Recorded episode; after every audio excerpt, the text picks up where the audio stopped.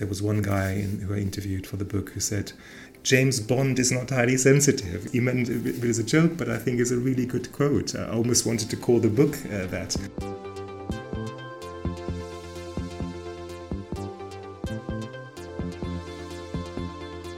Du lyssnar på HSP-podden med Leveby och Klar. Hej och välkomna till HSP-podden med Leveby och Klar. Det är jag som är Matilda Klar. Och det är jag som är Ida Leveby. I det här avsnittet gästas vi av tyska Tom Falkenstein. Han är en högkänslig psykoterapeut och författare till boken Den högkänsliga mannen. Lär dig att använda din känslighet som en styrka. Han har under senare tid varit med i flera svenska medier där han pratar om att lyfta högkänslighet bland män. Och han menar att vi mer än någonsin behöver känsliga killar som kan visa vägen till en friare mansroll. Och han hjälper ju också män att upptäcka högkänsligheten. Du har träffat honom, Matilda? Ja, det har jag. Han var i Sverige tidigare i år för att eh, göra PR för sin eh, bok. Och eh, det är ändå lite intressant tycker jag att han kom just till Sverige. Han berättade att eh, det var just från Sverige som ehm, det största intresset för, för boken fanns. Och då har ju han ändå rest och bott på många platser i världen har jag förstått. Ja, precis. Han är ju då från Tyskland. Men han har bott i London i åtta år och har bott även på andra platser i världen. Och eh, pratar liksom engelska och tyska och sådär.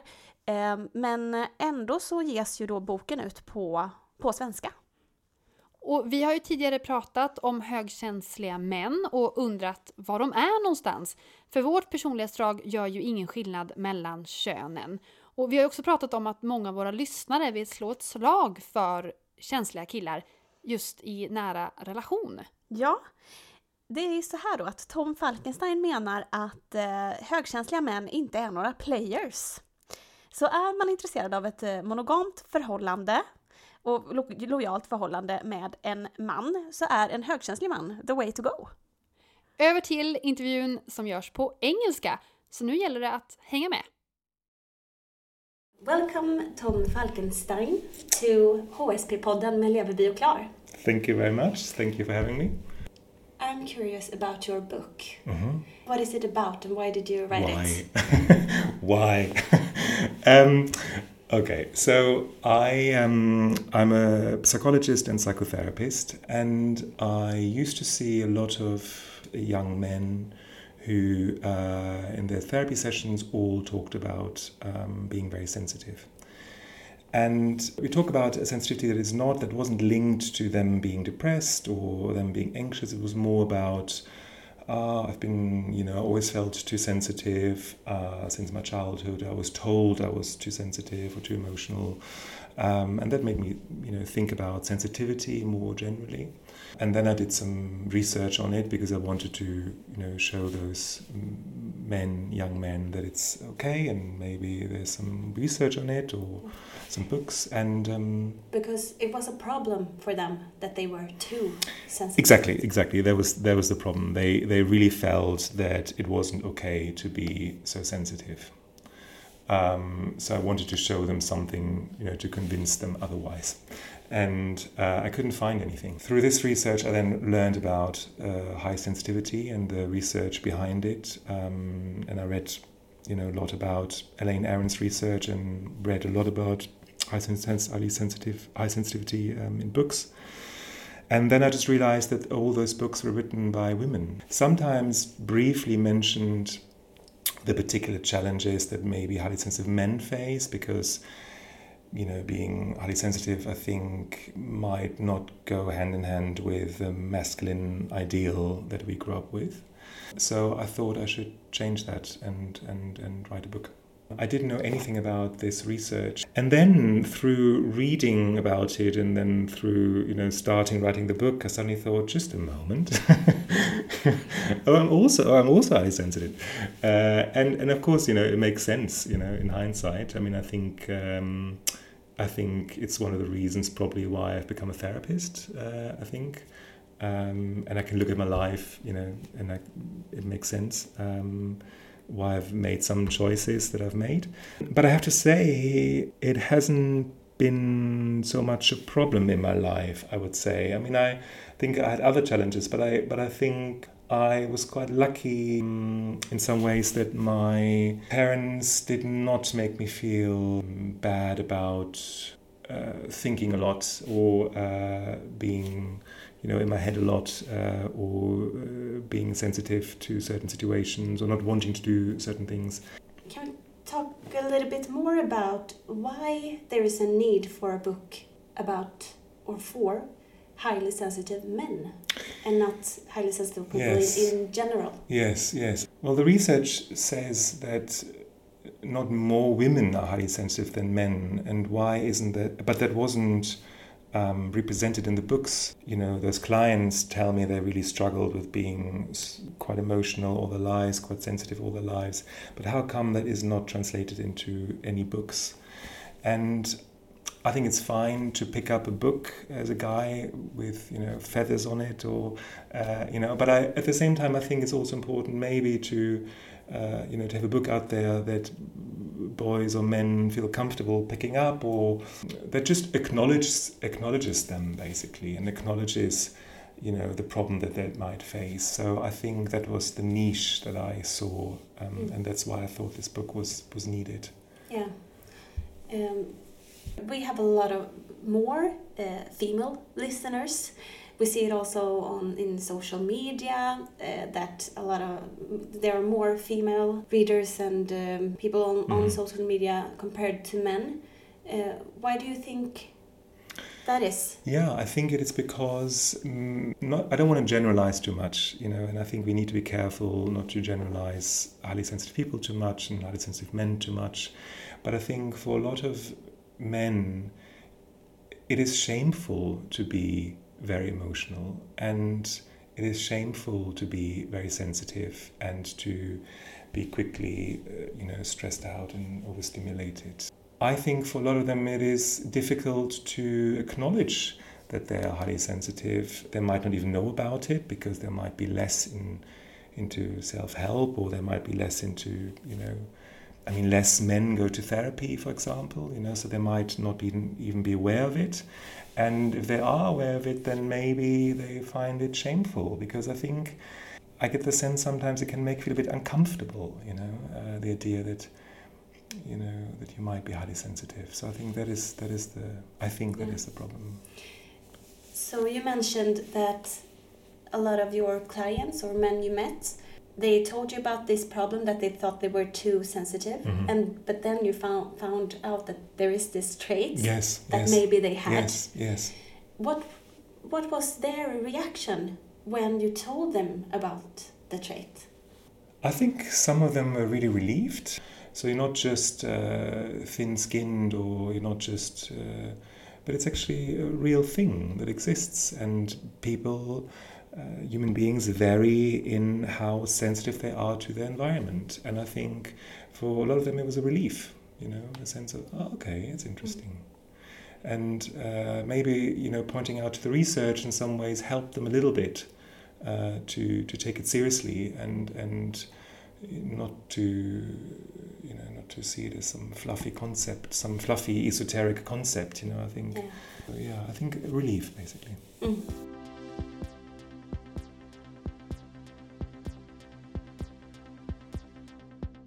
Throughout the book, I interview nine highly sensitive men and I ask them some questions about, you know, how they deal with the high sensitivity at work and being a father or in relationships.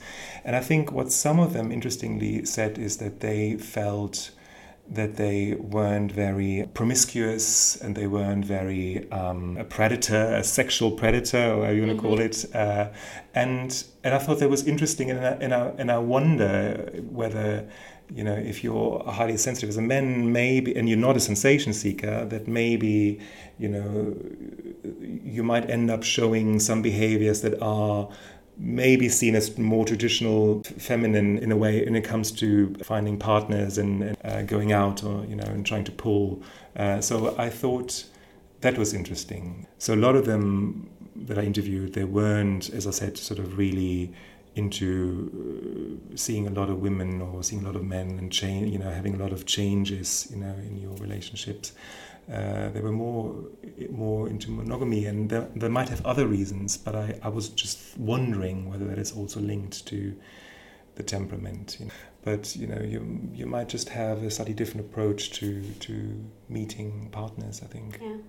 Was that a problem for them? In some ways, it's a problem, but only in the way that again it goes against what society tells men to be like. You know, I mean and again, I don't want to generalize too much, but if you look at the traditional masculine identity, the norms, you know, the idea is that you are proactive when it comes to finding, you know, someone, that you are stoic, that you are, that you um, self-reliant, you know, all these things. And although things are changing, I think that is still around a little bit, even yeah. for, for men in their 20s that. I um, saw in London that I mentioned earlier. So I think it goes a bit against that and then you sort of not all of them again, but I think some of them then felt, oh, maybe there's something wrong with me growing up because I'm not quite like that, and maybe I should be more like that. There was one guy in, who I interviewed for the book who said, who really who summarized it. He said, James Bond is not highly sensitive, you know, and I just think it's so. I mean, you know, he meant it as a joke, but I think it's a really good quote. I almost wanted to call the book uh, that because yeah. I thought I thought it's actually a really good title, you know. Do you think that highly sensitive men and highly sensitive women are treated differently in society? I think they are. I think I, my, my sense is, I might be wrong, but my sense is that it is still more acceptable for a girl and later for a woman to be emotional or to show her emotions. And if we look at research about boys, for example, those boys who show behaviors that are, in quotes, more feminine, that what society sees as more feminine. So let's say they are a little bit uh, passive and they maybe show emotions and they don't fulfill the, again in quotes, the uh, traditional masculine uh, identity. Those boys are more likely to get physically and verbally bullied by their peers. So, again, I think it comes back to this whole, I think, this whole problem of do we allow men, do we allow boys and later men to express their emotions, to can, you know, do we teach them to talk about their emotions? This is where I think highly sensitive men maybe have it a little bit where for them it might be a little bit more difficult than for highly sensitive women. I think underneath it's it's it's similar. You know, I think you know you you need to not everyone, but you know you might need to learn some tools to regulate yourself a bit, or you might to improve your self care, or you know you might to make some lifestyle changes, or uh, you know you might practice some uh, I mean, I give some examples in the book, some imagery exercises or some mindfulness, whatever. I think that is the same for sensitive men and for women. But I think a lot of sensitive men that on top of that have they've got this masculinity uh, problem in terms of how society sees it and how society doesn't seem to be that comfortable with emotional men. So, how do you think that we can change this? as a society. So I think what we can do though as a society on a on a you know on some level is is everyone out there, every one of your listeners, you know, to think about okay how how do I act when my son uh, is emotional or uh, expresses vulnerability uh, or shame? You know, how do I what do I teach him? How do I teach him to deal with those feelings? Uh, how do I react as a mother, as a father to those feelings? How should you react? I think I think it's important to normalize it. You know, I think it's really important to normalize feelings. You know, for boys as well as for girls and for women, obviously. But I think it's important to uh, that fathers and mothers tell their children, their boys, it's okay. You know, you're you know it's a feeling it will pass you know i whatever's appropriate you know yeah. uh, depending on the age of the child and depending on mm. the situation obviously and sometimes we have to tolerate feelings as well yeah. of course you know maybe ask them how do you feel? Why do you feel? yeah Express yeah yourself. exactly exactly how do you feel why do you feel tell me on what's going on you know tell me what's going on exactly those i think those things are really important so i think it comes down to parents i think it comes down to teachers you know how do we deal with you know the boy in the class who gets bullied maybe because he's a bit different you know um, i think it comes down to men supporting other men you know that it's okay to open up and to talk. And yes it's fine to do very traditional male things masculine things. But at the same time it's also okay to you know to talk Yeah. about how you feel. What would you like to say to the sensitive men in Sweden? buy the book. No you don't have to buy the book. If you do that's great. If you don't that's okay too.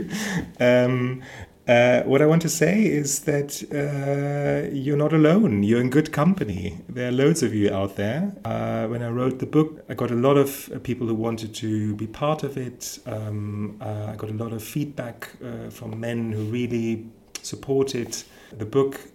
Loads of them were actually Swedish quite interestingly. So, so I know uh, you know there are many of you uh, out there, and then find a way to protect your sensitivity and protect yourself. You know, so find ways to look after yourself, whatever that looks like. Looks like, um, but find ways to um, make sure you live well uh, overall. I mean, we all have our uh, difficult times, uh, but make sure you live well as a highly sensitive man. You also have some advice. Can you mention your Yeah. best? Hmm, I don't. Yeah, hmm, difficult. I, I don't have a. I find it always very difficult to say this is this one thing and this will you know solve it all. I don't have that. I'm afraid. Um, but what I do offer in the book are many different tools, many different techniques. Um, some are more uh, mindfulness based. Some of them are more uh, acceptance based, so acceptance of feelings when you feel overwhelmed. Uh, some of them are more focused on self compassion. I think that is quite. I, I've done quite a bit of training in self compassion. There's this guy called Christopher Germer. He's an American, and Christine Neff wrote a book, and there's a Christ- Christine Brähler. She's a German. Paul Gilbert is another one.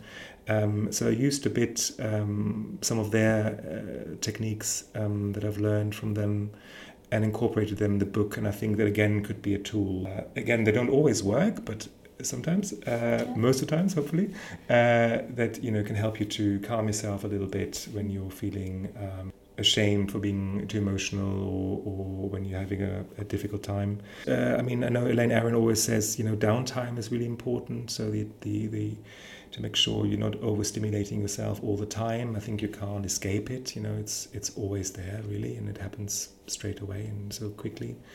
But I think it is really important to make sure that you know your lifestyle is overall uh, suitable to your temperament and that you you know don't overstimulate yourself all the time and if you feel very overstimulated that you have some downtime. So for example i mean i can i'm going to be I get, I get a bit personal now. Uh, so i uh, as i said I, I came yesterday i had some interviews today uh, yesterday i had some interviews uh, this morning I had an interview this morning uh, uh, i'm doing this now i have more interviews tomorrow and I did very little today. Uh, I, I walked a bit around uh, and and looked at beautiful Stockholm uh, and ate something, and then I went back into my room because I really felt I needed downtime, basically. And then there's a bit of me that thought, oh, I should really see more of the city because you know I'm here and it's a lovely city and I want to see more. But then I also thought, yeah, actually you know, this it has been quite exhausting, and you know, it's time to you know to look after myself a little bit. So, so I'm just I'm just saying this as an example, you know, for something that that you can do uh, in, in your own way if if you feel uh, too overstimulated.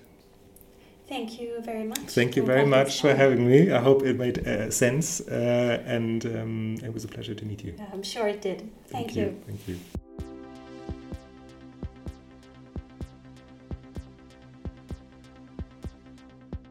Men vad intressant, vilket bra samtal ni hade. Det kändes som att ni fick lite kemi där på något sätt. Ja, absolut. Det var lite speciellt därför att vi satt ju då eh, på hans hotellrum i, eh, i Stockholm. Och eh, han frågade faktiskt, för jag var lite osäker på hur, okej, okay, var ska vi spela in? Vi brukar ju gilla att komma hem till våra gäster, men han bor ju inte här. Ehm, men han skrev faktiskt och, och frågade lite inkännande sådär om hur, hur vill du göra? Ska vi sitta i lobbyn? Jag förstår om du inte är helt bekväm med att, att spela in på mitt hotellrum och sådär. Tyckte jag var väldigt fint av honom att, att fråga mig det. Men det är väldigt bra. Det är inte alltid som eh, man känner sig helt trygg att gå till en främmande persons hotellrum bara sådär. Nej men precis. Nu gjorde vi ändå det för att eh, ljudnivån i lobbyn hade, ni lyssnare hade hade inte gillat det kan jag säga. Och så var det väl så att du direkt fick en ganska alltså, känsla för att han verkade vara en reko person. Ja, verkligen. Ja, och det märks ju också i intervjun. Hoppas vi att eh, både våra manliga och kvinnliga lyssnare har mycket att eh, fundera på efter det här samtalet. Det tror jag. Som vanligt så ska vi ta och runda av det här avsnittet med en dikt av Bertil Moneglim. Här kommer ett riktigt Bertil-budskap. Det är två saker som världen skulle klara sig bra utan. Det är krig och mobbning. I skolor och på arbetsplatser. Men det är en sak som världen inte kan klara sig utan. Och det är kärleken. Vi finns på Facebook, där heter vi HSB-podden med Leverby och Klar. Kika gärna in på vår Instagram-profil också. HSP Leverby Klar heter vi där. Och vill ni höra av er till oss så kan ni göra det på leverby och klar gmail.com. Och så kan du prenumerera också på podden.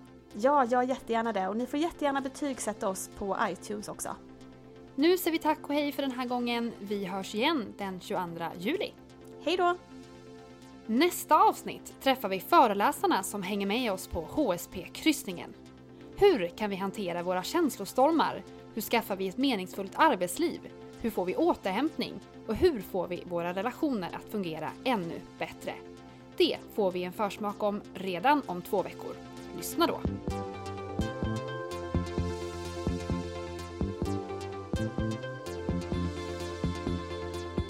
Du har lyssnat på HSP-podden med Leveby och Klar.